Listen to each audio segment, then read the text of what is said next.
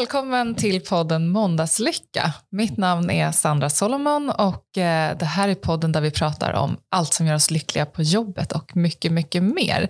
Och idag har jag med mig en jättespännande gäst, Kristina Hagström Iljevska. Välkommen hit. Stort tack för att jag får komma hit och känna måndagslycka. Det är ju magiskt. Härligt, härligt. Berätta, vem är du? Jag är en naiv optimist med rebelliska drag som älskar att jobba i en förändringskultur. Eh, jag är egenföretagare sedan drygt ett år tillbaka men har mycket erfarenhet kring sälj, marknad och förändringsprocesser där liksom mitt hjärta har varit väldigt mycket. Mm. Så eh, med bakgrund inom IT, telekom, Eh, men även också inom rekryteringssvängen var jag en liten sväng där. Så att, eh, ja, jag har varit i flera olika branscher men alltid jobbat med en och samma sak. Alltså förändring eller förflyttning av ett bolag egentligen. Mm. Mm. Och, och, hur, för du är ju något av en expert på det här med, med företagskulturer. Hur eh, kommer det sig att du började jobba med förändring och företagskultur? I grund och botten så eh, är jag skolad i Dale Carnegie som är en utbildningsorganisation och där har fick jag nog first hand också känna vad en riktigt bra företagskultur är för någonting, uppleva den, eh, men även också få nycklarna till den. Och när jag sen kom ut, eh, det här var ju då min tredje tjänst som jag hade, när jag sen kom ut i arbetslivet så insåg jag väldigt mycket att de här enkla nycklarna som hade varit helt fantastiska att jobba med och få vara i den miljön fanns mm. inte mm. ute på arbetsplatser runt om i Sverige. Så var jag än kom så var det ofta såna här ganska simpla, enkla saker som jag satte igång och fick resultat på. Och jag tror att det är det egentligen. Alltså mina, jag har egentligen byggt min karriär och det som jag är som kallas för att vara expert på att egentligen sätta igång vissa nycklar i bolag och då har vi fått resultat. Så det är resultaten det det, då är det ju två saker jag verkligen vill plocka upp där. Först och främst så säger du att du fick uppleva en väldigt bra företagskultur och det vill man ju veta, vad är det egentligen? Och nästa sak är ju ja, men de här nycklarna. Så vi börjar, vad är egentligen en bra företagskultur? Jag brukar säga så här att en bra företagskultur det är ungefär som moral, det vill säga allt som händer när ingen ser.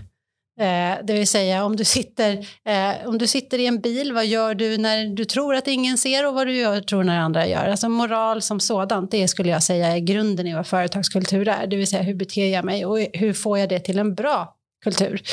Så Tittar man på definitionen av vad kultur är så handlar det ju väldigt mycket om liksom vårt gemensamma språk, vårt gemensamma eh, sätt att arbeta, jobba, göra saker. Det är det som bildar vår kultur och det är liksom den här gemenskapen som differentierar oss från någonting annat. Ett bolag från något annat eller en familj från något annat eller liknande vad det kan vara, ett land. Mm. Så där, där, tror jag är, eh, så att säga, vad, vad, en, vad grunden är. Sen tror jag att det är väldigt olika och det är väl faktiskt en erfarenhet jag har fått efter åren att det går inte att säga att det här är en bra företagskultur utan det beror väldigt mycket på vad man vill. Alltså vad vill vi bygga för någonting? För alla passar inte i alla kulturer.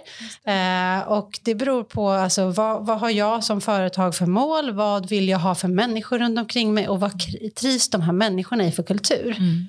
Och sen så är syvende och sist också så det måste ju anpassas mot vad du liksom har för produkt och vad du säljer för kunderna känner ju mm. likväl av din mm. kultur också. Och vem är det som bestämmer hur kulturen ska vara?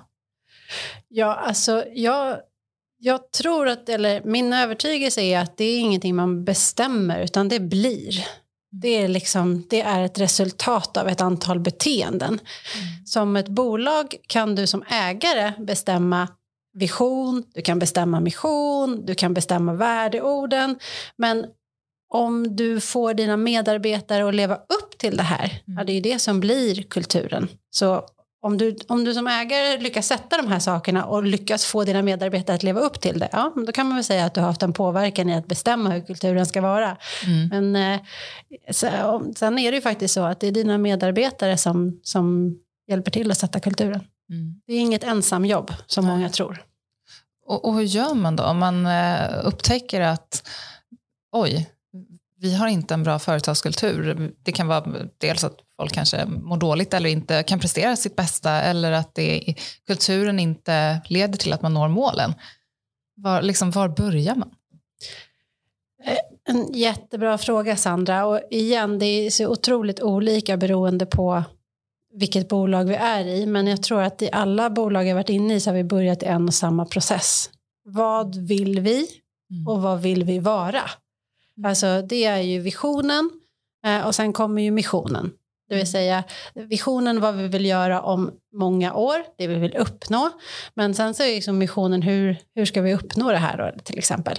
Mm. Så att jag tror att någonstans så är det liksom alltid där det börjar. Har man inte den klar, ja, då är det ganska svårt. Mm. Och jag vet många bolag, och du känner säkert till dem också, som har börjat med att sätta värdeord på väggarna. Och så väljer man ut när man står där med den här klassiska, massa ord på, en, på ett bord och så ska Mm. alla välja och så ska vi rösta vilket det ska vara för någonting. Men om det inte är kopplat till vad vi vill som bolag så kan det ändå bli jättefel. Ja. Så att i syvende och sist så måste man verkligen våga sätta tiden och börja med, med grunden i det hela. Och här, här är också så här, för att det, det, vi grunden, det vi sätter här, det blir ju påverkan på så otroligt mycket mer. Jag nämnde lite grann att min, eh, där jag har liksom mycket erfarenhet inom försäljning och marknad. Mm. Och om, om vi tittar på när man bygger en varumärkesplattform, vad börjar du då? I visionen och missionen. Det är det som kommer avgöra hur din layout ser ut. Om du ska sätta en säljprocess, vad börjar du då? Visionen och missionen. Så att allting går ju tillbaka till det här. Och har vi inte det på plats, då kommer det bli otydligt alltså budskap. Då kommer det bli det budskapet som gäller för dagen. Och det är där det är svårt att bygga en kultur. Mm. Mm. Vad är, för jag tänker, det, det låter ju som att en, en företagskultur är, vi pratar vision och mission, men för mig så är ju det också, det är ju alltifrån hur vi hälsar på varandra på morgonen och eh, hur vi är i fikarummet med varandra eller hur man formulerar sig i ett mejl till en kollega. Mm. Ehm, eller har jag fel? Nej, för de som verkligen lyckas är ju de som tar ner sin vision och en mission till faktiska, eh, så att säga, det som eh, i finare ord brukar benämnas som governance-modell eller som så här, operativ arbetsmodell eller liknande. Det är ju det som är nedbrytningen till det hela. Eh, men den görs ju väldigt sällan. Det är väldigt sällan som någon har skrivit på ett papper hur du ska bete dig vid kaffeautomaten. Eh, utan det är någonting som avgörs eh, i mötet med de andra. Mm. Så att där kommer det ju liksom hela tiden vara att ef- efterleva det här arbetet. Ja. Eh, jag, jag, jag, brukar ta, jag tycker att det, din fråga är väldigt relevant. Jag brukar ta ett exempel i att lek med tanken att eh, du säger att du är ett innovativt bolag. Eh, och så är det dags att ge ut din årsrapport eller eh, det, alltså årsbokslutet eller liknande. Hur lägger du fram den på ett innovativt sätt? Alltså, Förhoppningsvis inte på OH-papper. Precis, ja, men alltså, det är lite det här vi pratar om och samma sak om vi säger så här, ja vi har respekt är viktigt för oss eller vår vision är att vi vill göra människor glada Mm. eh, och så sitter en sur receptionist i, i eh, det första du möter. Mm. Ja, det är ju de här små sakerna, det vill säga hur säkerställer jag och där är det i sy, alltså till slut så är det ändå chefens ansvar Mm. skulle jag säga att att vi ser till att okej, en ägare kan sätta tillsammans med ledningsgruppen en vision och en mission. Mm. Men sen handlar det om att eh, vd och ledning måste ju också sätta uppföljning på det här. Det vill säga, jag måste få med kulturen i uppföljningen av medarbetaren. Mm. Eller på veckodaglig basis på något sätt. Idag finns det fantastiska tekniska verktyg där man kan mäta medarbetarnöjdheten, du kan mäta eh, vart någonstans de står. Du, du kan bara göra enkla polls över en dag för Mm. att stämma av det här. Mm. Eh, och då kan du också så här, på en skala från 1 till 10, eh, hur väl har du nått upp till? Bara fråga, vad har ni för värdeord till exempel? Eh, engagemang, utveckling, eh, laganda och ansvar. Ja. Så om jag skulle sitta som din chef, då skulle jag till exempel säga så här, okej, då har vi de här orden. Jag kommer betygsätta dig, du Sandra betygsätter dig själv. Ja. Och sen så har vi papperna framför oss och så säger vi så här, men du har ju satt en femma av fem här och jag har bara satt en trea av en trea. Men vad spännande, vad är det för någonting som vi inte stämmer här? Mm. Då får vi ju en dialog kring Just det här det. och då blir det ju en riktig uppföljning. Och det är det här jag menar med att ta Mm. ner det till operativa, till det dagliga. Just det. Alltså hur får jag verkligen in det i mitt, i mitt eh, flöde? Mm. Eh, Anna Wikland drog ett exempel för eh, när vi hade Terrific Tuesdays om det här med people first. Mm. Vart sätter du kulturen på agendan? Börjar du, inleder du mötet med det eller tar du det Just de där det. sista tre minuterna som är kvar av mötet? Eh, det är också en sån sak som att jag verkligen säkerställer att jag kan följa upp det och driva på den. Just det. Mm. Mm.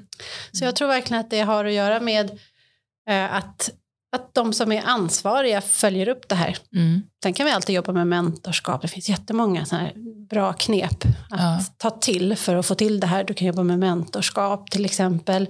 Du, alltså... och vad, och vad, vad, tänker du då i mentorskapet? Hur går det till? Att man har en, en, mer senior kollega eller någon som har varit där längre som man har som en mentor? Eller? Där, där sprang vi på den första. Det ja. behöver inte nödvändigtvis vara en senior kollega. Det, utan det kan ju vara den kollegan som faktiskt har det bästa föredömet. Ja. Det vill säga, mm. vi kan ju ha ambassadörer internt i huset som är så här, du är våran kulturambassadör. Mm. Vi har 15, 20, 30 stycken beroende på bolag som är kulturambassadörer. Låt dem ta en mentorskapsroll. Och liksom ta, och det behöver inte vara så mycket större än att du tar en fika på månadsbasis och liksom, ja, hur går det här? Mm. För vi vet ju också att statistik visar att det är väldigt lätt att hamna fel. Så om du anställs, onboardingen är inte jättebra. Mm. Där är också en, en mm. viktig del, hur är onboardingen? Ja. Eh, du faller bort, du hamnar med några som är lite sura och inte hänger med på kulturen, ja men då hamnar du också i den. Mm. Så att eh, säkerställ med dina egna ambassadörer eller mentorer internt som kulturambassadörer som, som kan hjälpa dig att driva den här frågan på ett bra sätt. Mm. Och då får ju de också skina, ja, just det. vilket blir en fördel. Mm, Känna sig stolt över. Verkligen. Mm. mm. Då tänker jag direkt på onboardingen eh, nu i coronatider när man knappt går till sin nya arbetsplats. Har du, vad tänker du kring hur man kan lösa en bra onboarding under Alltså jag såg ett, ett, inlägg på HubSpot eh, som de hade gjort med en fantastisk onboardingstruktur digitalt. Där de mm. liksom hade spelat in härliga roliga videos. Det kom en hälsning från, eh, från en kund till exempel. Alltså de hade satt upp precis som en vanlig onboarding mm. i, i liksom som man önskar att den skulle kunna vara. Uh. Och sen så tryckte de igång den. Så det var liksom en automatiserad uh. process i det hela. Som ett, det man kallar inom marketing automation då det är förutbestämd, alltså som man sätter då, så sätter man ett workflow. Och det workflowet stoppar jag i min medarbetare i. Just och så det. säkerställer jag att den här får rätt information på rätt, eh, vid rätt tillfälle. Men eh, det, alltså det, nu tog jag ett exempel på när man faktiskt kan digitalisera det här på ett väldigt kul sätt. Ja. Eh, Zoom gjorde något liknande nu också såg jag. För någon, bara någon vecka sedan kom de ut med en, en, en kul så att säga, newsflash med liksom ett förslag på hur man skulle kunna göra. Ja. Men jag tror igen här, alltså även om vi är ifrån varandra så kan ett samtal vara varmt. Mm. Alltså där är ju mm. fortfarande mm. mänskliga kontakten. Mm. Så äh, även om äh, du inte kan gå och knacka på någons axel eller ta en fika så vi, vi har, alltså sån är tiden just nu att vi måste vara innovativa och bara, ja, då blev det en digital fika. Men då fick ja. vi i alla fall sitta och mötas på det här sättet i alla fall. Eller kan vi ta en promenad tillsammans till exempel? Mm. Så jag tror bara att det gäller att vara lite innovativ och inte tänka att vi ska göra som vi brukar göra. Utan... Nej, jag tänker att det här är egentligen, det låter ju som en jättebra utveckling av corona, eh, eller tack vare corona, eh, om det nu finns något man kan tacka corona för, men att, att ändå lägga upp en sån typ av eh, onboarding som är digital, där man verkligen kan säkerställa att alla som börjar hos oss får exakt samma introduktion och den är bra. För mm. den har vi kunnat eh, stämma av och kunna planera och spela in. Mm. Så det låter ju som någonting fantastiskt bra. För jag vet att det här med onboarding är något som många tycker är svårt. Och ja. tidskrävande. Ja, och du kvalitetssäkrar ju mm. faktiskt. Genom att tänka till nu och tänka så här, hur är min dröm onboardingprocess? Jag skulle mm. nog vilja säga till alla er som sitter ute och har den här frågan, sätt din dröm onboardingprocess, gör den digital. Sen när den här coronan är över, lägg till de mänskliga mötena. Ja. Då har du ju liksom det bästa av två världar. Ja, verkligen. Mm. Mm. Alltså det där får vi hoppas lever kvar, att det blir vanligare att man gör så, tänker jag. Nej, men jag, jag tror det och sen så ska vi säga så här, alltså, vi, eh, jag var i ett av, ett av bolagen som jag, som, där jag jobbar med kulturen just nu och vi satt och diskuterade just det här med med onboardingen och då sa man ju att en del är ju snabbare. Det var, det var ungefär fem stycken som hade kommit in samtidigt och så mm. såg man att två av de här var jättesnabba. De hade anammat väldigt mycket och lärt sig väldigt, på ett bra sätt medan mm. det var tre stycken som ja, det hade varit lite sjukdomar det ena med det andra eller liknande. Vilket gjorde att det hade tagit längre tid för dem. Med mm. den här digitala processen som satt nu så gick det ju bra ändå. Mm. Mm. För då var man faktiskt inte beroende av att de skulle vara på plats. Ni vet när man sitter och har preppat en onboarding ja. och sen så ringer någon och bara nej men jag ska vabba och bara va? Jag har avsatt en hel dag liksom. Ja. Eh, då är det lättare att avsätta en fika eller vad det ja. kan vara. Så jag tror verkligen inte eh, jag är ju väldigt pro-teknik. Så jag tror att så här, ta tekniken i handen, mm. eh, den kan hjälpa jättemycket i kulturen. Man behöver inte vara rädd för att den ska ta bort någonting så länge du inte tar bort allt. Nej. Finns det eh, några um, några moment i en onboarding som du tycker att om man, om man har dålig koll på det här med onboarding, men man vill ha en bra onboarding och så behöver man börja med någonting. Finns det ett par grejer som du tycker att ja, men om man ser till att man har de här tre grejerna på plats, då har man kommit ändå en, en ganska bra bit? Jag skulle nog säga för det första informationen innan du kommer till arbetsplatsen. Det vill säga om man bara tänker sig in i situationen när man börjar någonstans. Man är lite eager, man vill gärna, alltså, man brukar ofta säga att den tiden, ungefär en månad innan, då är man som mest inlärningsbar. Så se till att skicka det här liksom företagsmaterialet eller um, om det är någon, någon, typ av strategi eller någonting du vill skicka det redan en månad innan så de får läsa på och titta lite grann och känna sig förberedda. Så mm. den delen skulle jag säga. Sen tror jag definitivt alltså det, den första dagen är ju liksom, den minns man ju. Jag mm. minns ju. Och det är nu, nu ska jag vara hård, men det räcker inte längre med att ställa en orkidé på ett skrivbord. Det funkar inte längre. Det är, liksom, det, det är den lägsta förväntan just nu. Mm. Så jag skulle säga så här att det här handlar ju om att bli mottagen, bli runt presenterad för att jag ska slippa ta alla de här första kontakterna mm. vid första tillfället. Mm. Så den första dagen. Eh, och sen det tredje är att jag skulle, jag skulle verkligen säga att onboarding handlar om den den eh, uppföljningen som är. Att de känner att det liksom ligger en matta med ungefär fyra veckor beroende på process, eh, hur lång tid eh, mm. med uppföljning.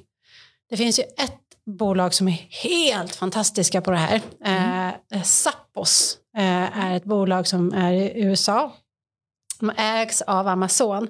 Deras grundare, det är en stor förlust för världen, han har ju tyvärr gått bort. Aha. Tony Heisch. Han gick bort i en brandolycka den här veckan, så en av mina Oj. idoler är, är, verkligen borta. Ja. Men han har ju byggt upp en, en, ett bolag där kulturen har fått prägla otroligt mycket. Eh, vilket också har gett resultat. De har ju de, har ju, alltså de, de krossar ju varenda tävling vad gäller alltså kunder, kundlojalitet, medarbetarlojalitet och liknande. De har en onboarding och nu ska vi säga så här, de säljer skor, ja, mm. lite mer än skor, det är väskor lite mer, men det är liksom online försäljning. Mm. Och de de utbildar är ju liksom folk som svarar i telefon. Ja. Deras onboarding är sex månader. Wow. Så att det är inte förrän sex månader du förväntas vara klar. Mm. Och då är det så att första veckan då sitter ju någon med dig konstant. Efter ungefär en månad då får du börja prata med kunden själv. Mm. Efter ungefär tre månader då, alltså då börjar det avta så att du blir mer själv, självbehärskad. Men det som är så fantastiskt med dem det är att sista dagen på din sex månaders då får du eh, en möjlighet att bli utköpt. Så då får du, du har fått den här utbildningen, tack så mycket. Här får du 500 dollar, du får gå på dagen. Wow. Eller så tar du inte de här 500 dollarna och stannar hos oss, välkommen. Ah. Fantastiskt. Alltså, det, för jag tror, det är det här jag försöker säga, jag tror så här, lägg resurs och tid på onboardingen. Du har ja. så himla mycket att vinna. Ja. För den personen som du har onboardat bra kommer onboarda nästa person ännu bättre. Mm. Man vill göra. Och jag tänker att det, det, du säger där också är ju någonting superviktigt för det är ju faktiskt inte bara arbetsgivaren som väljer medarbetaren. Eh, det kanske känns så ibland i en rekryteringsprocess och där, där det är arbetsgivaren som kommer med ett, ett bud och så ska kandidaten eh, acceptera det. Och bara för att, precis som i alla relationer, det gäller ju inte att bara välja varandra den där första gången utan att faktiskt också efter sex månader, nej men det här känns fortfarande bra, jag vill fortsätta. Mm. Um, att det inte bara rulla på för att ja, men då blev det en tillsvidareanställning då efter provanställningen som kanske var sex månader. Mm att man väljer på nytt. Jag tror att du är helt rätt i det där. Och jag skulle vilja tillägga i det också att jag tror det är än mer viktigt nu för vi är så otroligt sårbara. Bara i veckan hade vi en stor skandal med eh, bol, alltså med Naked och hela den som raserades. Och då är det ju liksom eh, och här tror jag så här, man ska, jag, ska, jag tänker inte slänga någon under liksom under tåget här utan Nej. jag tror verkligen att det här är någonstans mitt emellan som, som Mm. sanningen ligger i Mm. det här. För deras vd har gått ut med en fin sammanställning om vad de, hur de faktiskt jobbar och sen så finns det bevis då på andra sidan där där man har lyft, så det är några influencers som har lyft att det inte funkar. Det, de har helt enkelt fått exempel av de som har jobbat internt Ja. på bolaget som har liksom kastat ut dem och berättat vad som händer. Och då kan man ha jobbat lik, hur mycket som helst med, med de här bitarna. Jag tror att på, med, med två, tre stycken influencers inlägg så har ju liksom anseendet, kulturen på det här bolaget gått ner totalt. Alltså, Ja. det, var, det var folk anser om dem. Sen säger jag inte att det är så internt. Nej. Men de har fått det ryktet. Ja, Så idag är vi så otroligt sårbara. Och det Mm. vill jag inte, alltså jag vill verkligen att alla bolag och ledningar får tänka till på det. För det är lätt att tänka så här, äh, sociala medier, äh. ja. Men rätt person som säger rätt grej och ditt bolag ligger Mm. på is alltså. Ja, och idag med den verklighet vi lever i så är ju de sociala medierna, känner jag, viktigare än någonsin. Det är ju där man hänger. Det är där man träffar leverantörer, kunder, eh, branschkollegor.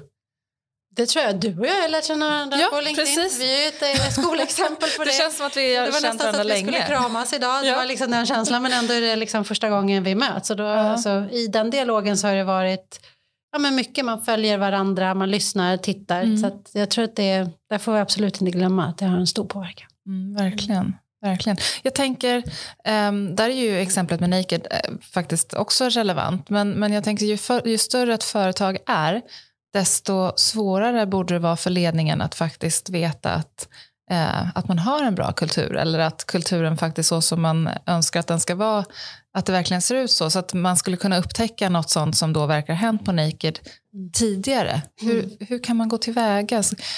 Hur eh, ser man till att kanske ha tentaklerna ut i organisationen för att liksom känna av hur det är egentligen och hur går saker till egentligen? Eh, som, som, som vd, chefledare, så har du tappat taget så får du skylla dig själv. Jag säger du måste faktiskt ut på golvet och prata med folk. Ja. Alltså det, det är det. Och om du har en jättestor koncern. jag tror det var Dennelind på Telia som eh, kickade igång med de här. eh, han hade möten där han bjöd in liksom slump, slumpmässigt vilka som eh, medarbetare från hela koncernen Telia. Mm. Som fick komma in och köra en fika tillsammans med honom. Och Ja. bara sitta och snacka så han fick känna av pulsen och liknande. Eh, Mm. Jag tror att det är ett fint exempel på eh, att det ska vara ett, av, ett, av, ett, av, ett annat av mina bolag som jag jobbar med. Där hade vi problem med bemanning ute i butikerna. Mm. Eh, ledningsgruppen gick och ställde sig där.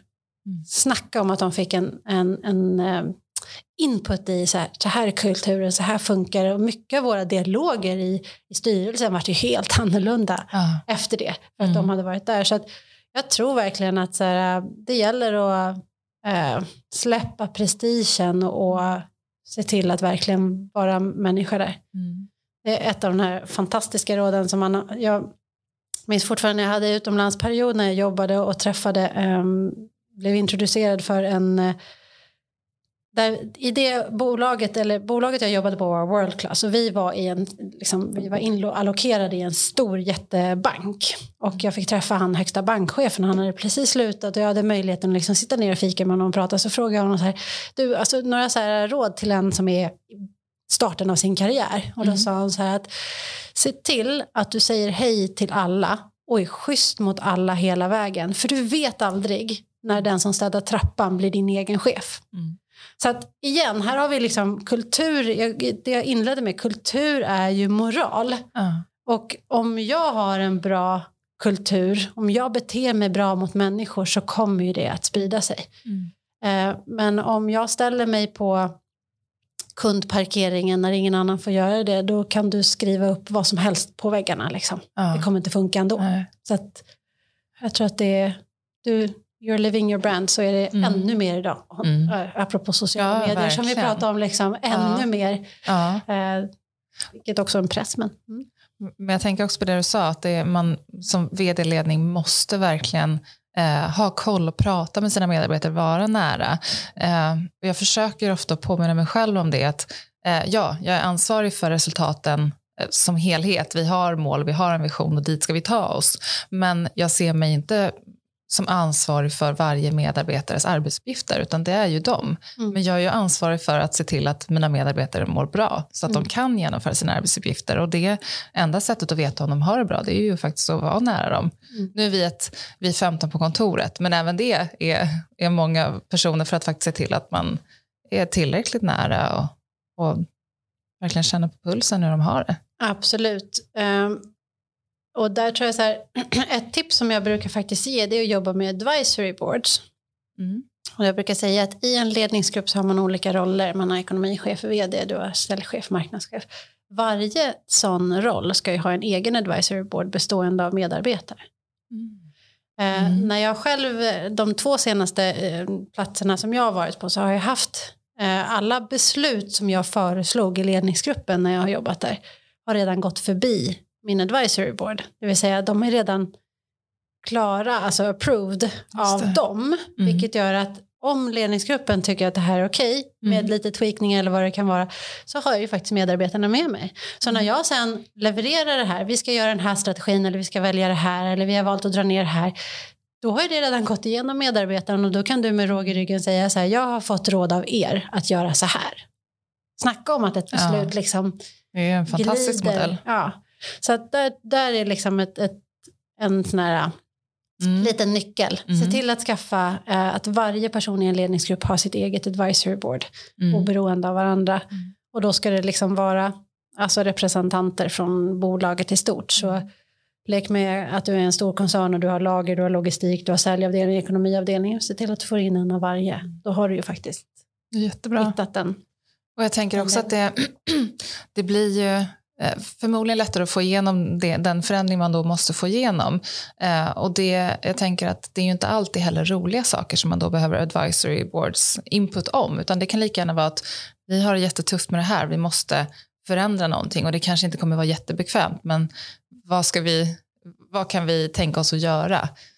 Um, så får man ju också, tänker jag, jag menar alla medarbetare älskar ju att få information och veta vad som händer och kunna mm. vara med och påverka.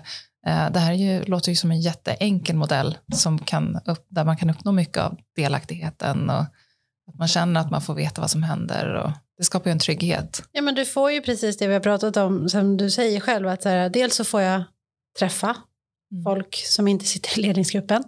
Eh, dels så får jag ju liksom bolla idéer mm. utan att det känner att det är, och dels så får jag lyfta andra människor. Mm. Och där har du ju liksom grundbultarna i i det engagemanget. Ja, verkligen. Det finns en eh, fin modell som heter lönsamhetsmodellen. Den här modellen heter eller översatt till svenska lönsamhetskedjan. Den heter Service Profit Chain och den är gjord av eh, från, eh, från den är Grönros har gjort den nere på Hanken Studio men också bekräftad i flera andra av de stora liksom, universiteten. Och den bygger ju på det som vi alla är ute efter. Vi är ute efter omsättning och resultat. Men det är det som är slutprodukten. Och det de har gjort i den här lönsamhetskedjan det är egentligen att sätta ihop okay, vilka delar är det då som, som leder till det här. Och den första delen som många glömmer bort det är den interna atmosfären. Det vill säga den interna atmosfären är det som startar lönsamhetskedjan. Mm. Den leder till medarbetarnöjdhet. Medarbetarnöjdhet leder till produktivitet eller effektivitet. Och det är först det här då som blir det upplevda värdet och det är det som är kundvärdet. Mm. Och då kommer ju kundnöjdheten. Just det. Och när kundnöjdheten är med oss, det är då resultaten kommer. Men mm. det vi ofta gör i det här läget, eh, många bolag, det är att vi mäter och följer och tittar på lönsamheten resultatet och så tittar vi på omsättningen. Mm. Och sen så har vi kanske brutit ner det till några parametrar, antal möten eller vad det nu kan vara för någonting. Eh, de som har varit duktiga tycker de, de möter på kundnöjdheten för då säger man så här, där har vi liksom det som är. Och det är mycket riktigt. Kundnöjdheten idag kommer påverka mitt resultat och min omsättning om sex månader. Mm. Det stämmer. Mm. Men då måste man också ställa sig frågan, vad är det då som påverkar kundnöjdheten? Det. Och det är det jag menar med att då måste du ju mäta medarbetarnöjdheten. Mm. För då är du faktiskt mer än sex månader innan. Mm. Så säg då att så här, okej, okay, vårt resultat, vi säger nu First Reserve, vi, vi har ett bra liksom, Q4, blir, liksom, det landar fint, yes. toppen. Ja, härligt, grattis, god jul. Eh, och sen så ser du nu på dina siffror att nöjd, eh, kunderna eh, är nöjda. Det har liksom inte förändrats speciellt mycket. Men du mäter också medarbetarnöjdheten och säger så här, wow, här har det hänt någonting. Och det kan ju vara corona som har påverkat, man är tröttare, det är mycket som händer runt omkring. Det kan ju vara många olika parametrar. Mm. Men jag, om, jag, om jag har koll på det och tittar på det, att säga så här, okej, okay, här har vi sjunkit x antal procent. Mm. Då kan jag också nu agera på det. Mm. Vilket betyder att jag får ungefär sex månaders försprång till att vi tappar resultatet igen. Just det. Så det är det här som blir liksom skillnaden och det är det jag försöker att, att liksom, ordet är verkligen predika, men det är det jag försöker mm. predika mm. för alla. Att liksom välj och titta på det som en kedja. Du ska ha koll på, det är ingen som säger att kultur ska ta bort fokus på resultat. Mm. Utan resultat och omsättning och de siffror, det ska absolut, det ska man titta på. Men du behöver också ta de två stegen innan och veta att det är liksom som en trestegsraket. Mm. Att först sjunker medarbetarnöjdheten, sen kommer kundnöjdheten och då kommer du tappa resultatet. Ja. Och om jag bara tittar på resultatet så har jag, har jag ingen försprång utan då kommer jag helt plötsligt tappa i resultat och så kommer jag undra vad hände? Mm. Och så säger man, vilket jag också har gjort, jag har också suttit i ledningsgrupper man känner så här, men va? Vi tycker vi har så bra här, men mm. vi har inte haft någon anknytning, vi vet inte. Mm. Uh, vi pratar ett annat språk och det är, liksom, det. det är ju ett av de stora problemen ska jag säga, att ledning och medarbetare är så långt ifrån varandra. Ja. Och det är det här som jag är ganska fräck när jag säger, jag, säger, jag kallar det här för corporate bullshit. Det är mm. liksom när ledningsgruppen kommer upp med en powerpoint och så wow, det här är jättebra, det här är vår vision. Mm. Och så sitter det liksom ett gäng där och bara och jag hade ju first hand experience på det här när jag satte igång ett um, ett jobb där jag inte hade blivit uttalad chef ännu. Mm. Utan jag kom in lite undercover, jag hade inte blivit presenterad och då var det min, min chef då, han tyckte att liksom, men kom in och lyssna, liksom, det här är stora presentationen som är på gång, det är vad som ska hända de här sex månaderna framöver. Så jag blir ju presenterad som, som en av medarbetarna, jag ska jobba mm. med sälj och marknad, inte sälj och marknadschef utan jobba på säljavdelningen. Eh, och eh, sitter och hänger med liksom alla de andra medarbetarna, sitter bredvid ekonomiavdelningen. sitter bredvid en kvinna som jag, alltså jag älskar den kvinnan och jag har berättat att jag berättar den här historien mm. som vet om mm. det. Eh, och så sitter vi och pratar lite grann och så kommer de in och du vet det är en jättesnygg powerpoint, det är liksom vdn står upp och presenterar, säljchefen kommer upp, allting är så här liksom, det är en scen, det ser bra ut, vi har skön musik i slutet och liksom alla applåderar och så tänker jag så här, gud, så säger jag till henne så här, du det här var väl bra? Det är väl bara vanlig corporate bullshit säger hon till mig och jag tänker så här, vad säger kvinnan? Hon bara, alltså jag har varit med om det här tio gånger under de här tio åren jag har varit här. Jag kommer ändå bara göra mitt jobb. Så jag kan väl bara skita i vad de har för powerpoints. Mm. Och det är ju det här vi måste fatta när vi sitter och mm. leder bolag. Att de kommer inte brinna lika mycket som du gör för det. Mm. På samma sätt. Nej. Så då gäller det ju verkligen att liksom skippa powerpointsen, kom ner ja. på golvet, snacka med gänget, lyssna. Vad är, det liksom, vad är det de tycker, vad är det de vill, vad är det som stör dem? Det du tror stör dem är inte samma sak som Nej. det som faktiskt stör dem. Det. Och det är det som ledningsgruppen faktiskt är till för att jobba med. Och jag tänker att en, eh, som, som ny chef jag har lärt mig bättre nu, men jag är fortfarande inte tillräckligt bra på det här. Men, men det är så lätt att man tror att men jag har gjort en jättefin powerpoint. Den är snygg och det är jättebra innehåll och alla fattar vad målet är och vart vi ska. Och liksom jag har gjort den så inspirerande jag kan. Och sen så har man haft den där presentationen och så händer ingenting. Och det är ju inte så konstigt. Nej. För jag brinner ju för den här. Jag har suttit och jobbat med den här presentationen i flera timmar, kanske dagar. Ja. Eh, de får höra den på en kvart mm. eller en halvtimme. Mm. Och, och, sen så undrar jag varför inget händer. Men det är ju ganska eh, uppenbart varför inget händer.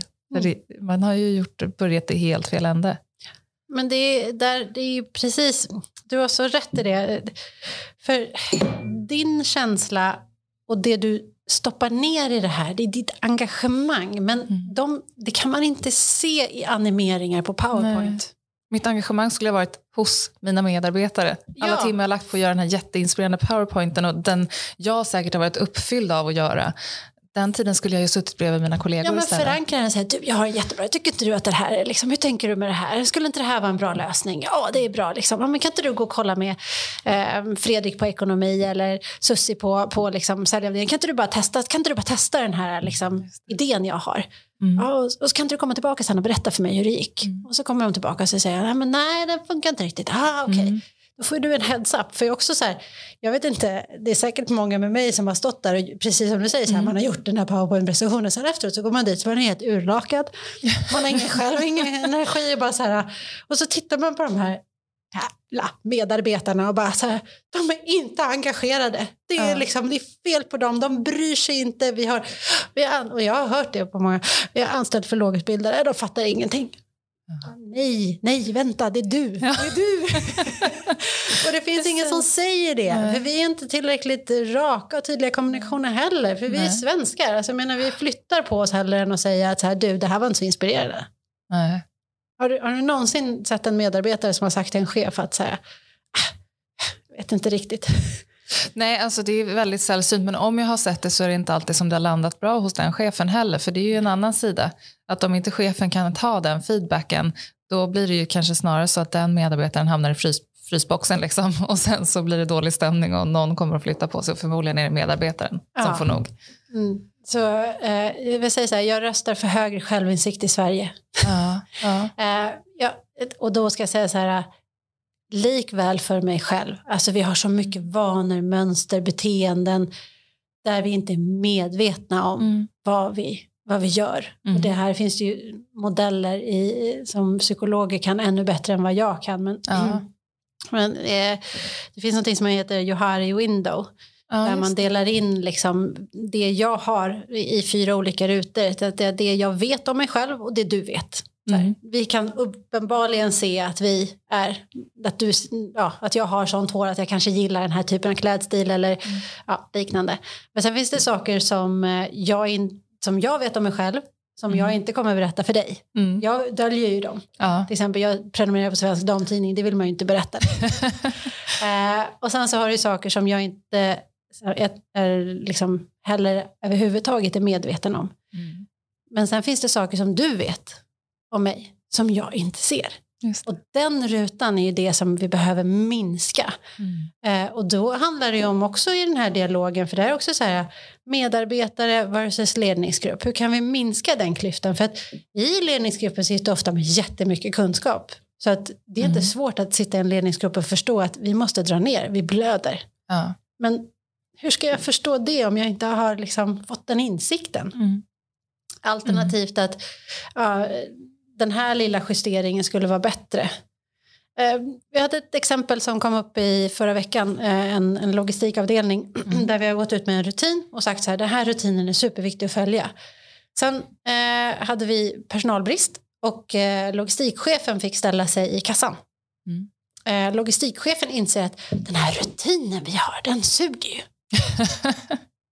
Det, är- alltså, Ja. och det är ju liksom, det är revelation. Han Ja. är ju älskad av medarbetaren. Så här, äntligen fattar han. Ja. Nu förstod han, för att han stod i kassan, testade att liksom dra igenom den här processen och rutinen och inser att det här tar ju bara tid och får ingenting med kunderna.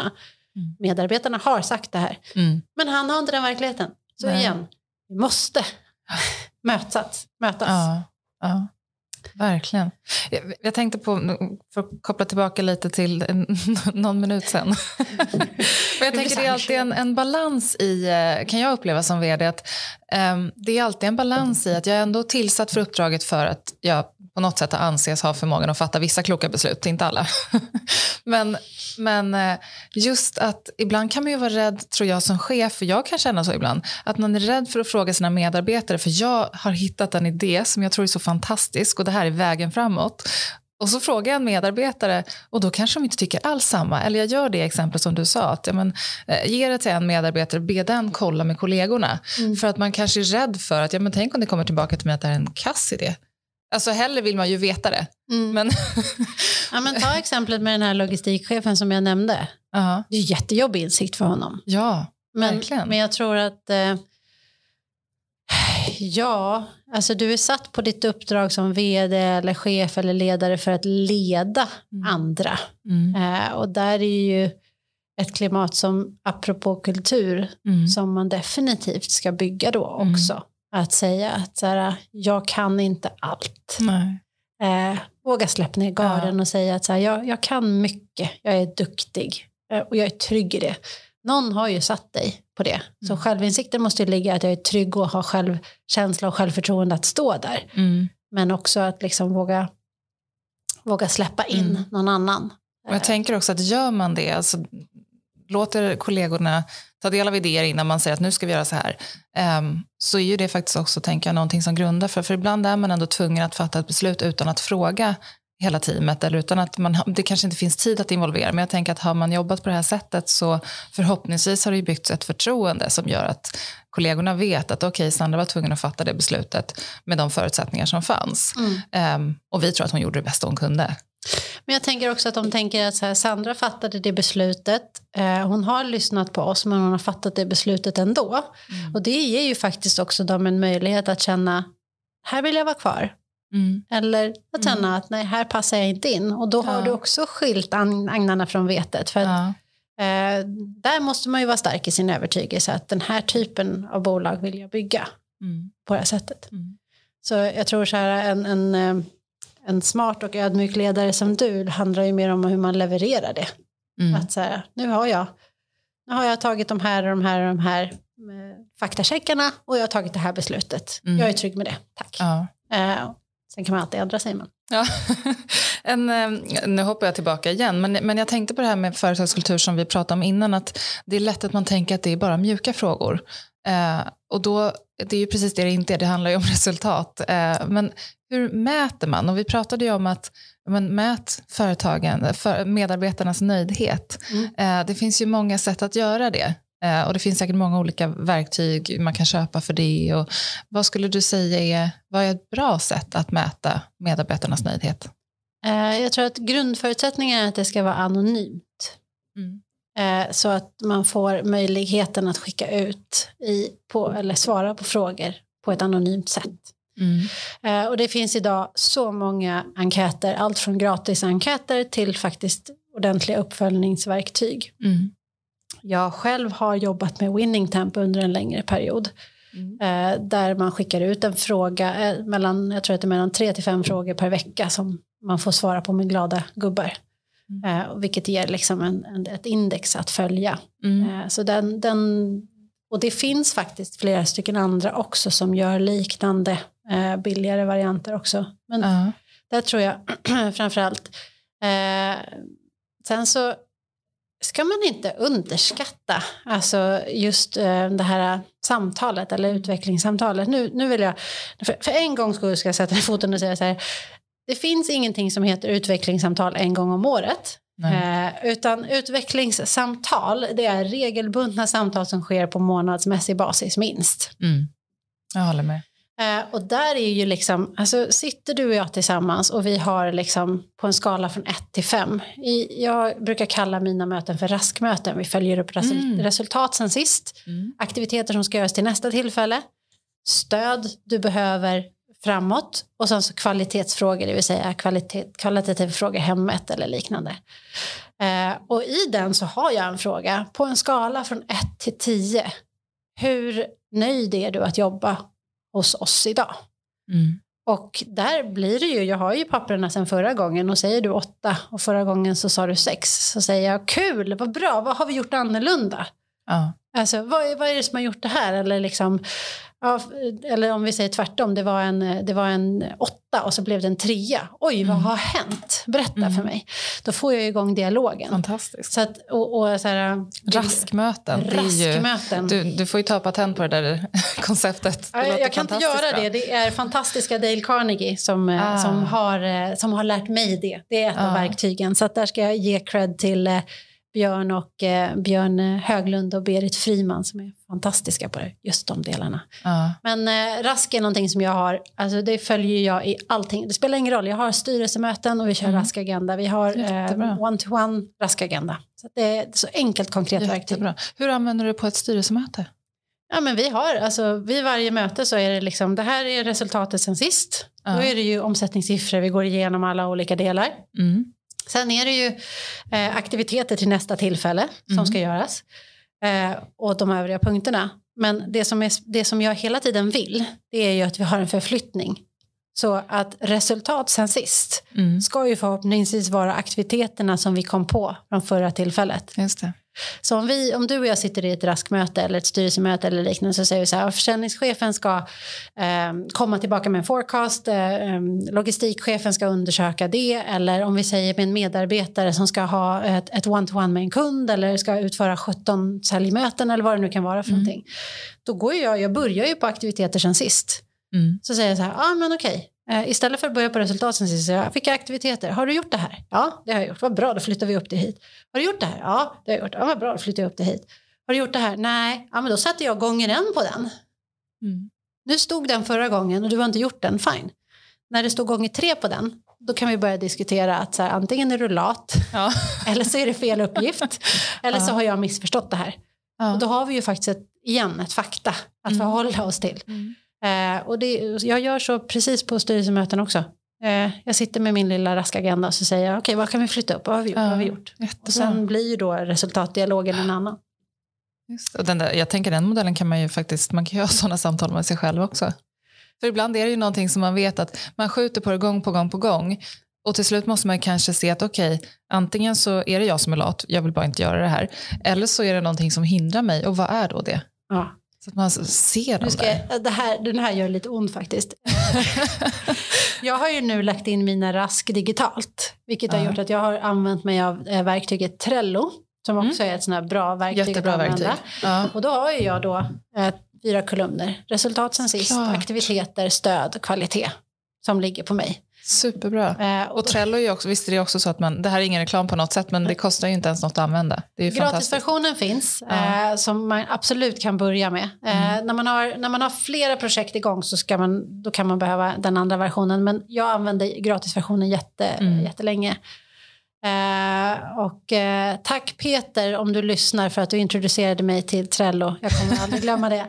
Eh, och Emelie ska jag eh, påpeka också. Men, eh, nej men för då, har ju, då blir det ju att datumen liksom. Jag sätter ju ett datum. Mm. Så då blir det också så här, det här ska vara klart tills dess. Mm. Då kommer ju de där påminnelserna som sms och det kommer som... Och de får bli väl röda också? I, De blir ja. röda så det ser liksom jätterött ut och då, är- då gör det lite ont Gud, i kroppen. igång. Ja. Den, är, den är läskig i början men man får liksom Ja. ett, ett tempo på det på ett annat sätt.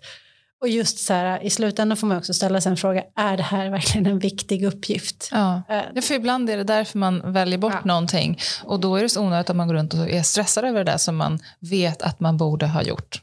När man bara kan skippa det istället. Precis. Mm. Precis. Superbra. När jag reste bort till Kenya under tre månader så minns jag att jag ringde runt till liksom, mina kontakter. Så sa jag, jag kommer vara borta i tre månader. Och de bara, åh gud, lycka till. Och så kände jag, Ja. här, gud stackars alla som ska vara utan mig. Ja. Och sen så när jag kom tillbaka efter tre månader så ringde jag, nu är jag tillbaka. Och de bara, är du redan tillbaka? Vad kul, välkommen. Och kände jag så här, va? Har ni inte saknat Har mig? du inte saknat mig någonting? Och det är då man inser också att, eh, att att man lär sig att förstå vad som verkligen är viktigt att prioritera. Ja. Eh, För att det är inte alla uppgifter som man sätter upp som är riktigt Nej. viktiga. Nej. Och då kommer vi tillbaka till en annan gammal modell med SMART. Och den Ja. tror jag liksom alla som, som tänker på mål eh, vet. SMART, Mm. specifika, mätbara mål. De är, den är bra, och den också. Den är klassisk och Ja. den blir aldrig dålig. Nej. Nej. Ehm, jag tänker på, om vi kopplar tillbaka till just det här med ren företagskultur. När man eh, söker ett jobb ehm, och har hittat en tjänst som känns jätte, jätteintressant eh, så vet vi båda två att jobbet är så mycket mer än just bara arbetsuppgifterna. Det handlar ju så mycket om att du ska faktiskt trivas i den företagskulturen som du kommer att hamna i. Har du något tips på hur man som kandidat i en process kan försöka få grepp om företagskulturen så att man vet om man tackar ja eller nej till? Eh, ja, alltså jag har ju haft förmånen att sitta och bolla en del med eran Irene som, som jobbar här, en fantastisk kvinna. Vi har ju Ja. pratat mycket kring det här, men jag, jag tror verkligen att eh, där, här gäller det ju liksom att eh, som, som person att be att få fråga och få prata och träffa några andra inom bolaget. Mm. Det tror jag är det som går. Mm. Använd dig av sociala medier, titta vad folk har sagt. Ja. Gärna. Ja. Och be att få träffa dina närmaste medarbetare eller liksom kollegor om det är så. En del är ju expertroller. Ja. Så att eh, inte bara träffa personen som du rapporterar till. Just det. Men jag tror också att eh, det är eh, lita lite på sin magkänsla också. Jag mm. tror man känner det här. Mm. Uh, en, del, en del val i karriären gör man för att man har bråttom eller för att man måste. Mm. Men har du, jag skulle snarare säga så här, ge dig själv utrymmet och aldrig gå ifrån någonting.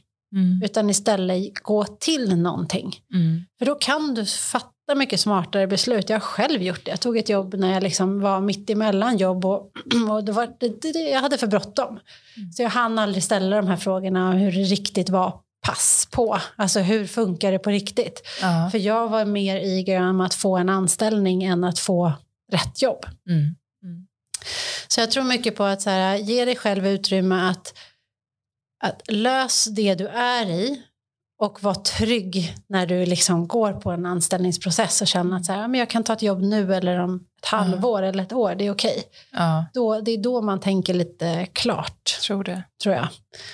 Och jag tror att det är Eh, det, det är otroligt viktigt som du säger att faktiskt också låta magkänslan spela med. Ett tips som jag eh, fick en gång var ju att be om stories, alltså fråga hur blir man hjälte här eller um, vilka, vad har ni för framgångssagor på det här företaget? Mm. Det är ju klart att sånt kan ju vara inövat. Det kan ju vara så att man har eh, så att säga, bestämt att det här berättar vi för folk och sen stämmer det inte alls. Men, mm. men jag tänker att ber man om sådana stories i kombination med sin magkänsla, för man har ju också en möjlighet att, att försöka känna av det någon säger, är det, är det genuint, stämmer det? Um, tillsammans med liksom informationen om vad den här historien säger. Jättebra exempel. Jag tror att det är en toppen. Igen, sociala medier är ju ett ytterligare exempel. Ja. Nu kan jag ju gå in och se att eh, om jag går in på LinkedIn och så kan jag kika på personer jag känner som har haft en anställning eller haft någonting med att göra med det här. Mm. Då kan man också ställa frågan till den. Mm är det här en bra plats att vara på. Mm. Men jag tycker stories var jättebra, den tar jag med mig. Tack, tack Sandra.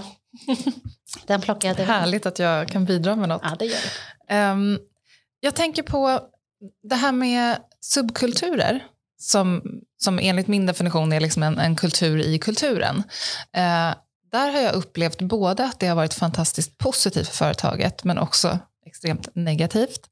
Eh, ett ex, eller två exempel egentligen. En, en subkultur jag har varit med om är där det har blivit en, en kultur i ett team och de jobbar superbra ihop och den här kulturen som de har i sitt team gör att de har en fantastisk leverans. Och den kulturen har också stämt överens med företagskultur som mm. helhet. Och det har ju varit otroligt framgångsrikt. Jag har sett det som ett, ett jätteviktigt shit för att få det teamet att funka så bra som möjligt. Um, ett annat exempel som inte gick lika bra var när det blev en liknande kultur i ett team och i den kulturen så ingick det att jag var en dålig chef och att jag var liksom fienden. Och det ledde till att i princip hela teamet sa upp sig och slutade nästan samtidigt. Um, den är inte kul för självförtroendet. Eh, under tiden den, den liksom subkulturen fanns så ett tag var det en jättefin leverans men det var ju en enorm risk och sårbarhet i att, att de plötsligt eh, i den kulturen bestämdes för att nu jäklar, nu drar vi. Mm. eh, är, det, är subkulturer alltid av ondo eller kan de även vara bra? Jag tror du svarar väldigt bra på frågan själv. Du har ju två exempel varav den ena visar sig bra. Mm. Eh, och jag tror att man ska låta människor vara bästisar med varandra. Mm. vissa människor tycker mer om att hänga med varandra, låt dem ja. göra det då. Eh, däremot så tror jag att det är väldigt viktigt att gå in och bryta när någonting inte riktigt funkar. Mm. Eh, eh ett, ehm, ett, en sak som jag brukar ha med mig det är call it out. Alltså lägg, lägg det på bordet. Att liksom ja. så här, hörni, eh, jag upplever att det här och det här. Jag säger inte att det är fakta, men jag upplever att ni inte tycker om mig eller att det här inte funkar. Jag upplever att ni distanserar er från resten av gruppen. Stämmer det överens? Uh, för jag tror att ett sånt beteende måste uppmärksammas. Det är ungefär mm. som en mobbare, ärligt mm. talat. Men alltså, en subkultur kan ju ja. bli en mobb mobbningskultur. Ja. Uh, och så länge de inte har bra försvar och förklaringar till det så, så tycker jag inte att det finns, då ska inte det få finnas. Nej. Men den var bra, sättet. call it out, den tar jag med mig. Ja. Så att, eh, och det, jag, menar, jag tror så här, subkulturer, eh, det, finns, det finns även i ledningsgruppen och vi kan eh, och bland medarbetare ute, det kan vara manligt versus kvinnligt. Eh, en jättespännande subkultur, det är samma sak där. Mm. Ju nu ser jag att så fort Sandra pratar så börjar du pilla med mobilen. Mm. Det är ett statement du gör. Den kulturen du sprider är att det Sandra säger inte är viktigt. Mm. Är du medveten om det? Mm. Va? Nej, jag har ingen aning. Alltså så här, igen, berätta för folk. Ehm, är du medveten om att du avbryter den här personen varje gång? Eller är du medveten om att du börjar vicka på stolen och skrapa? Eller är du medveten om att varenda gång vår vd pratar så lutar du dig framåt? Och, alltså så här, Mm. ta, ta och prata om de här. Alltså, vi nämnde det här med självinsikt förut, Sandra. Det, det är samma sak där. Jag tror att vi behöver... Civilkuraget behöver bli högre. Vi behöver fråga. Man Mm. behöver inte alltid konfrontera folk. Jag tycker du är tråkig eller jag tycker du är otrevlig. Märker du av att när jag pratar så börjar du pilla med pennan Mm. och du börjar göra det här och det här. Mm. Det kan vara med meningen, det kan vara en härskarteknik. Ja. Men nu vet den att du ja. ser Mm. och då kommer den inte kunna fortsätta. Nej. Så att hur du än gör så blir liksom den här, Men Man tar bort den makten som ändå Ja. finns i det. Mm. så call it out, verkligen. Mm. Jag tror att det är jätteviktigt. Jag tror att där har vi en otroligt viktig del i diversifiering, i kvinnligt och manligt. Mm. Alla de här olika fördomarna vi har, för att alla har vi fördomar. Mm. Alla har vi fördomar. Ja. Eh, Så att det gäller att... eh, Ett, ett annat exempel jag brukar dra det är jag var på en utbildning på UGL och det här var, det här var 20 år sedan. Jag var, då var jag 20 år gammal. Mm. Nu har jag avslöjat min ålder. Ja. Nej, jag, jag var iväg på en UGL-utbildning och i den här eh, finns det ett moment där man ska ge varandra feedback. Och då ska man faktiskt ge varandra negativ feedback, det vill säga ge någonting som den här personen gör som inte är bra. Mm. Jag upplever mig själv, jag är alltså, min mamma är från Makedonien, eh, min pappa hade en reumatisk sjukdom, han såg, lite, han såg konstig ut, han hade en kropp, konstig kroppshållning. Vi var lite annorlunda, vi bodde i det svenska radhuset men vi gjorde lite annorlunda grejer. Eh, jag är uppväxt med dem att man inte får ha fördomar. Min mamma har väldigt, alltså hon har upplevt liksom rasismen i Sverige när hon kom till Sverige. Eh, så det var otroligt viktigt för mig. Och så sitter vi på den här samlingen och då säger, eh, går vi varvet runt och eh, jag fick feedback som jag inte varit jätteförvånad över, pratar mycket, tar plats. Eh, alltså så här, det finns en del saker som, som jag är medveten om att jag behöver jobba på. Och så är det en kille, eh, han, han är ganska tyst, han säger inte speciellt mycket, han avvaktar ganska mycket och så, så säger han att ja, jag eh, har en feedback till dig Kristina, du är fördomsfull. Alltså jag höll på att tappa andan. Jag höll på att bara gå fram och liksom lappa till honom. Säg, han, säger han till mig att jag är fördomsfull? Det var, liksom, det var, det var så lågt. Eh, och det här uppmärksammade ju den här ledaren så sa han, stopp, stopp Kristina, innan du svarar, kan du förklara vad du menar? Och då så svarar han att ja, Kristina, jag upplever att du tycker att jag är långsam. Så varje gång jag börjar prata så börjar du eh, göra något annat. Mm. Och det var ju verkligen en sån här... Ja. Jag, jag kan ju inte säga nej, det var ju precis det jag kände. Jag tyckte han var jättelångsam. Det tog lång tid innan han fick formulerat orden. Liksom. Mm. Och då säger han, bara, bara för att jag är långsam Kristina så betyder inte det att jag inte är smart. Så din fördom är att långsam är osmart. Mm. Och det var så spot on i det här. Aj, det, är aj, liksom, aj. Ja, men det Ja. gjorde, du kände Ja. hur ont det gjorde. Det gjorde ju verkligen ont i det. Eh, men det var ju en livsviktig insikt för mig. Mm. Eh, att, att hitta liksom strategier och bli medveten om att kunna hantera det här. Mm. Sen gifte jag mig med världens långsammaste man, så någonting måste... Då är du bra på det nu, för ni är fortfarande gifta. Ja, vi är fortfarande gifta. Jag är Ja. jättebra på det. Eller han har väl hittat strategier att hantera mig kanske. Ja, precis. Överseende. Så. Nej, så det finns mycket lessons där. Ja, verkligen. Eh, ett helt annat ämne. Häromdagen, eller igår tror jag till och med det var, så fanns det en artikel i tidningen om att eh, unga ställer högre krav på sin arbetsgivare än eh, de äldre generationerna. Och där tänkte jag direkt på kopplingen till företagskultur. Ehm, vet du något om hur det ser ut om unga har andra krav på sin företagskultur än än äldre? Eh, ja, eh, det, alltså orden som kommer upp när man tittar på de rapporterna som är, det är ju transparens mm. eh, och flexibilitet. Eh, mm. Så jag skulle nog säga att det ehm, snarare eh, är arbetssättet än kanske liksom kulturen. De bygger ganska mycket sina egna subkulturer, så mm. jag tror inte att eh, vi kommer i framtiden kunna påverka lika mycket. Vi kommer inte kunna hålla folk inne i ett hus och säga nu ska vi bilda våran kultur. Utan Nej. vi behöver liksom tänka lite annorlunda i framtiden skulle jag säga för, för att skapa kulturen. Mm. Eh, och få, få prata om det på lite annorlunda sätt. Men alltså absolut, transparens, flexibilitet, de förväntar sig att det ska vara roligt på jobbet. Det här är liksom livsnjutare ja. som, som vår generation kan lära sig av. Ja. Eh, så att de, de kommer inte att... Eh, man ser ju jätte... Det finns en del rapporter nu som visar att de, de har ingen intention att jobba åtta timmar om dagen och de har ingen intention att jobba eh, mer än sina 40 timmar eller Nej. längre till Alltså längre in på Det låter jätteklokt egentligen. Eller hur? Ja. Men jag tänk, och det jag tänkte, jag tror jag läser det någonstans också, att det är ju någonting som vi arbetsgivare behöver tänka på nu om vi kommer till en tid efter corona. Mm. Där det faktiskt handlar om att vi måste hitta anledningar uh, för medarbetarna att ta sig till kontoret. Det måste finnas ett mervärde där. Självklart finns det ett mervärde i att man träffar, man träffar människor, man träffar sina kollegor, vilket har visat sig vara väldigt viktigt för de flesta nu under den här krisen. Men men vi kommer kanske behöva tänka nytt kring våra arbetsplatser. Vad ska göra det roligare för dem att ta sig till kontoret än att sitta hemma? Roligare eller bättre, eller bättre än ja. att sitta hemma. Alltså det är ju väldigt olika. Det kan ju vara en människa som verkligen behöver lugn och ro. Eh, mm. öppna landskap. Mm, ah, mm. kommer inte riktigt funka.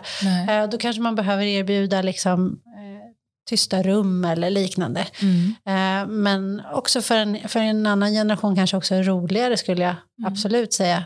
Um, det finns ett helt fantastiskt exempel på på Youtube när Sappos, som Sappos mm. har lagt ut. Eh, och då är det ju då ekonomiavdelningen. Jag tror att det är ekonomiavdelningen som har nerfkrig och anfaller säljavdelningen. Nej. Du vet, så här, ekonomichefen kommer in med ett nerf gun och bara... och så ser man att det var en av snubbarna som la sig liksom under bordet och så här, uh. kör krigsreporter. Men gud vad och liksom så här, And now we see the CEO coming over, he's throwing himself over the fence and he's jumping and he goes for the sales manager and he gets him!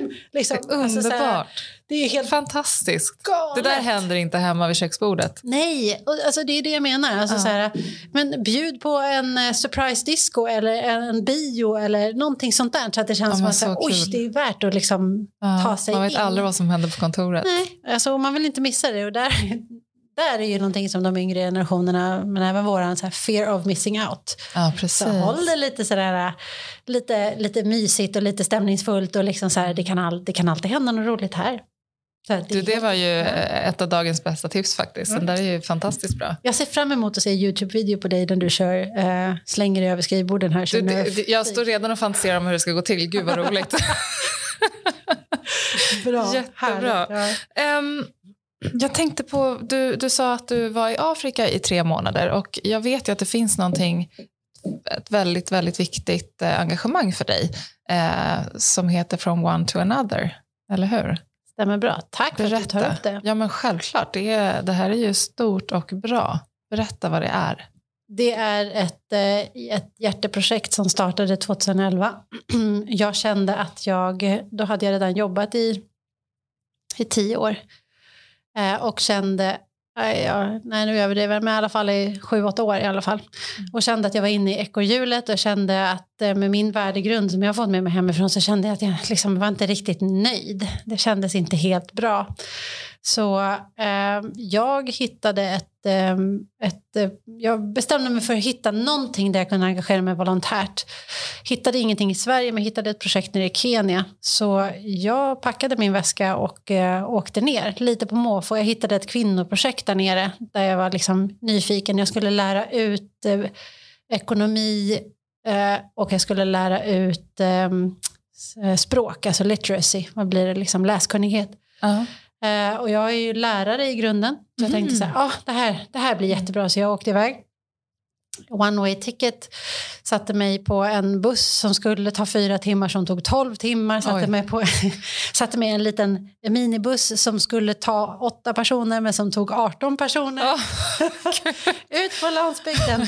eh, och eh, kom ut dit och eh, var där och var super, kom dit med hela min svenska härliga drivna unga attityd och skulle förändra världen och så gick det tre dagar och sen satt jag med och grät. Och så ringde jag hem och så sa jag, det går inte.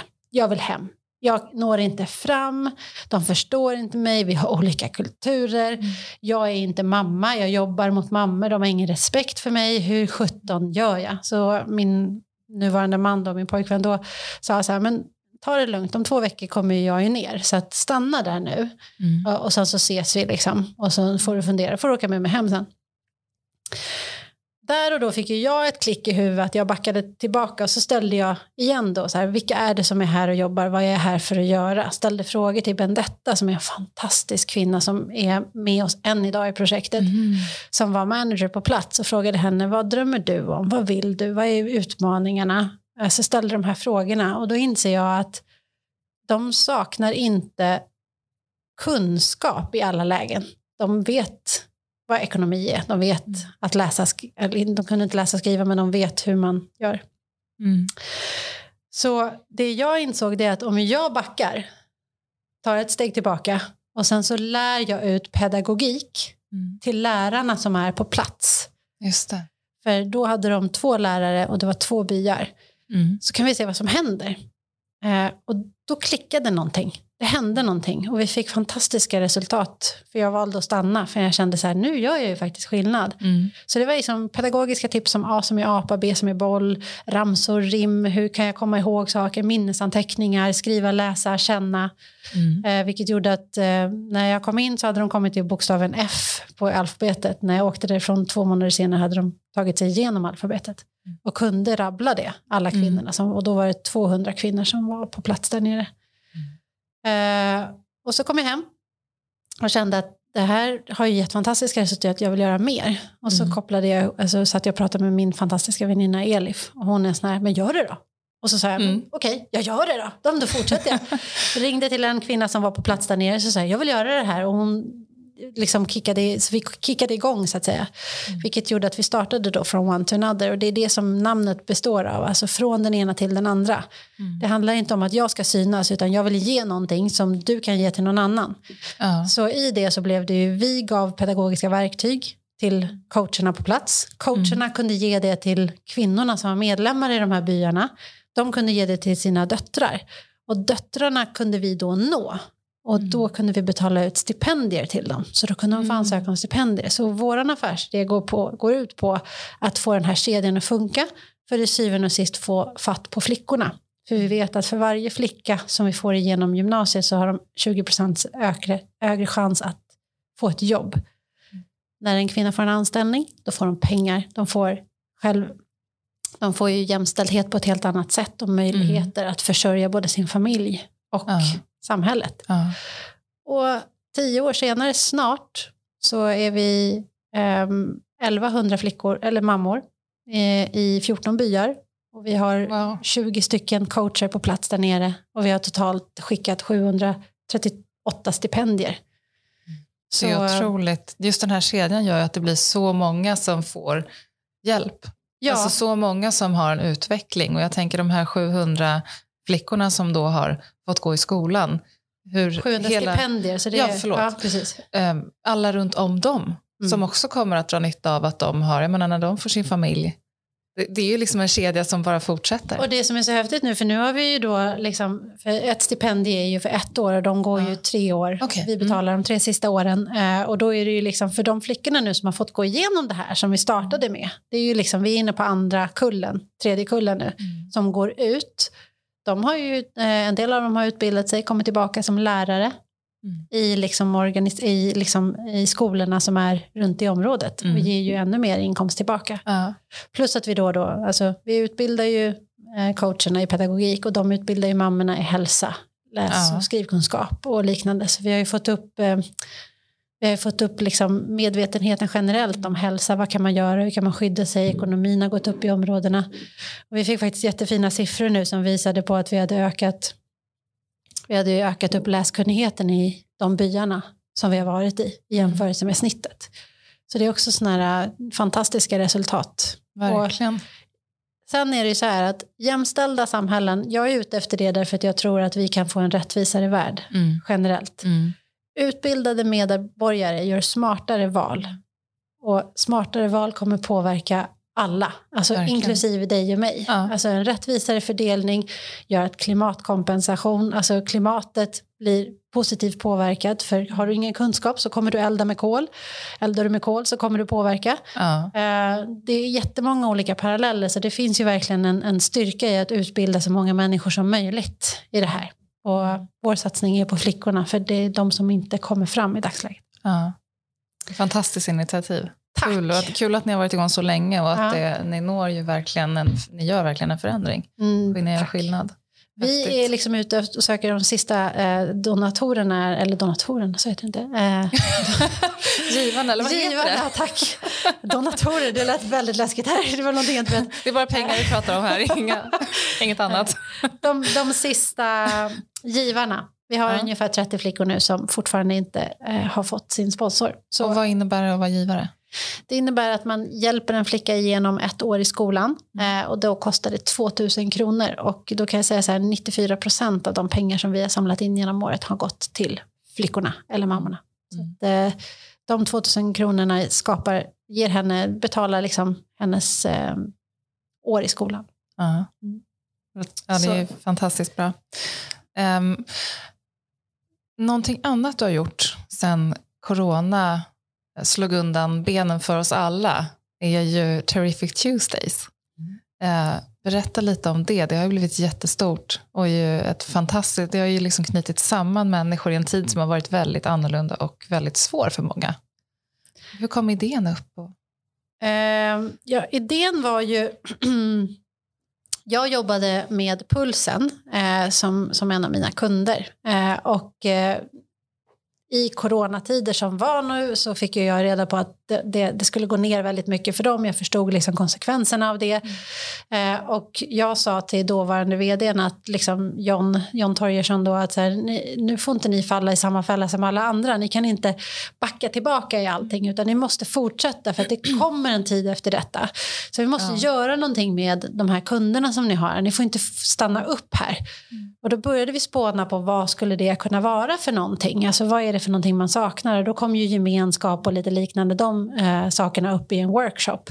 Varpå jag fick, eh, jag fick idén att liksom hur, alltså, hur skulle man, vad är, det, vad är det vi saknar? Vi saknar gemenskap, vi saknar inspiration, vi stänger in oss, vi måste få Sverige att fortsätta rulla. Mm. Och då ringer jag till eh, Frida som är en, en god eh, vän till mig, Frida Boysen. Mm.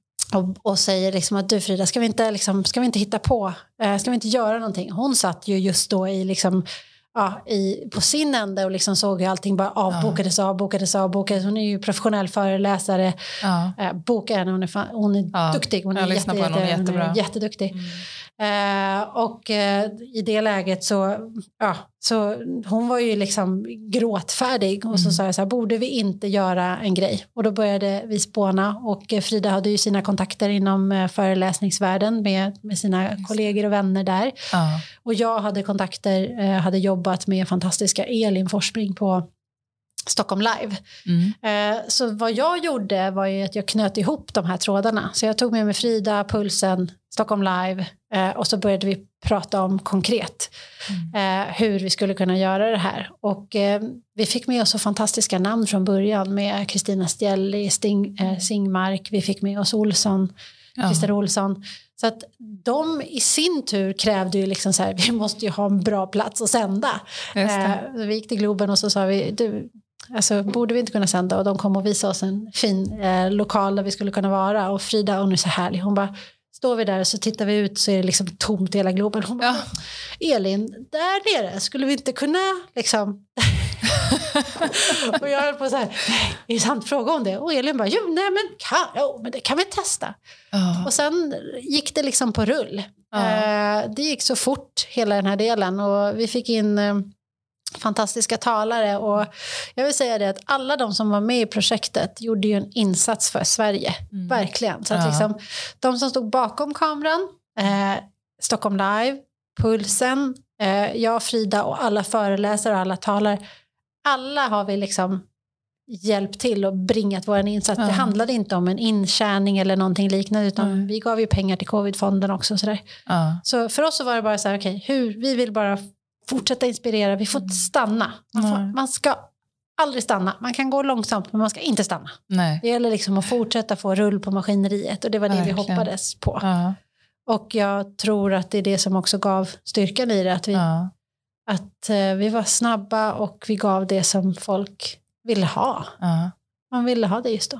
Det är ju, det är ju fantastiskt eh, fascinerande och inspirerande att du jobbar med förändringsledning och, och vet hur man driver förändring i företag.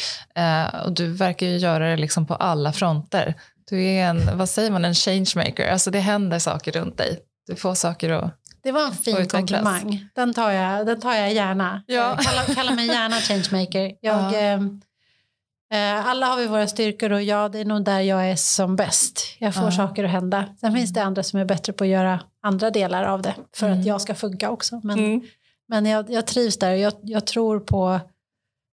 Um, jag, jag, inledde med att säga att jag är en, optimi, en naiv optimist med rebelliska drag. Just det. Och jag tror att det hjälper lite grann. Ja. Att jag ser inte riktigt faran i att testa. Nej. Nej. Um, för de som har lyssnat på oss här nu och vill komma i kontakt med dig, det kanske är så att man, man vill bli en, eh, som vi kallar det, donator, men vi menade givare, till from one to another, eller man kanske vill jobba med dig, eller man uh, undrar vart, vart kan jag få tag i Terrific Tuesdays. Um, hur hittar man dig? Hur får man kontakt med dig? Eh, jag är enklast nådd via LinkedIn. Det är bara att skicka ett eh, DM till mig. Eh, finns ju även på de andra sociala medierna men LinkedIn är min primära profil som jag använder mig av. Så Kristina Hagström Milewska är det bara att söka på. eller så sätter du bara ihop det och så säger Kristina hagströmmilewska.com och så drar du ett mail till mig. så är vi igång i dialogen. Gör det inte så svårt utan det är bara att initiera den kontakten så kommer jag att svara tillbaka. Mm det kommer jag absolut göra. Eh, och din, eh, som en avslutning för dagen, ditt bästa tips för måndagslycka till våra lyssnare? Eh, jag sa här innan, jag fick den frågan, så sa jag gå och lägg dig tid på, på söndag kväll. och det, det, var inte riktigt, det gick inte hem här hos kameracrewet som ni har bakom. Men eh, bästa tipset för att eh, hitta måndagslycka, det går nog tillbaka lite längre. Eh, jag började, vi började prata om det här med att skapa en kultur eh, med vision och mission. Mm. Jag skulle säga att det jobbet som du gör för ditt bolag behöver du göra för dig själv. Mm. Eh, så vad är din vision, vad är din mission och se till att du jobbar på den. Så om du drömmer om att bli vd, gör du de saker som kommer ta dig till vd-posten. Om du drömmer om att bli anställd på en viss plats, gör du de saker som behöver göras. För att jag tror att man behöver man behöver ha eh, orken. För jorden snurrar på grund av ett jättefint ord som heter resiliens. Mm. Eh, och det handlar om att orka ta sig hela tiden. Så för att inte bara känna måndagslycka, gå tillbaka till att liksom hitta din egen vision och mission mm. och se till att du jobbar med den. Då kommer du vakna lycklig både tisdag, onsdag, torsdag, fredag, lördag, söndag också. Aha. Så att, eh, jag tror att det där får knyta ihop Jättebra tips. Kristina, tusen tack för att du har varit här idag. Det har varit verkligen ett givande samtal och det tror jag att våra lyssnare också kommer att tycka. Det är jag som ska tacka. Tack för att ni gör det här och ger den här uh, möjligheten till folk att, att få inspireras. Jag tror att det är jätteviktigt och att ni på First Reserve tar det här ansvaret tycker jag är hatten av stort. Det visar tusen på er kultur. Tusen tack. Varsågod.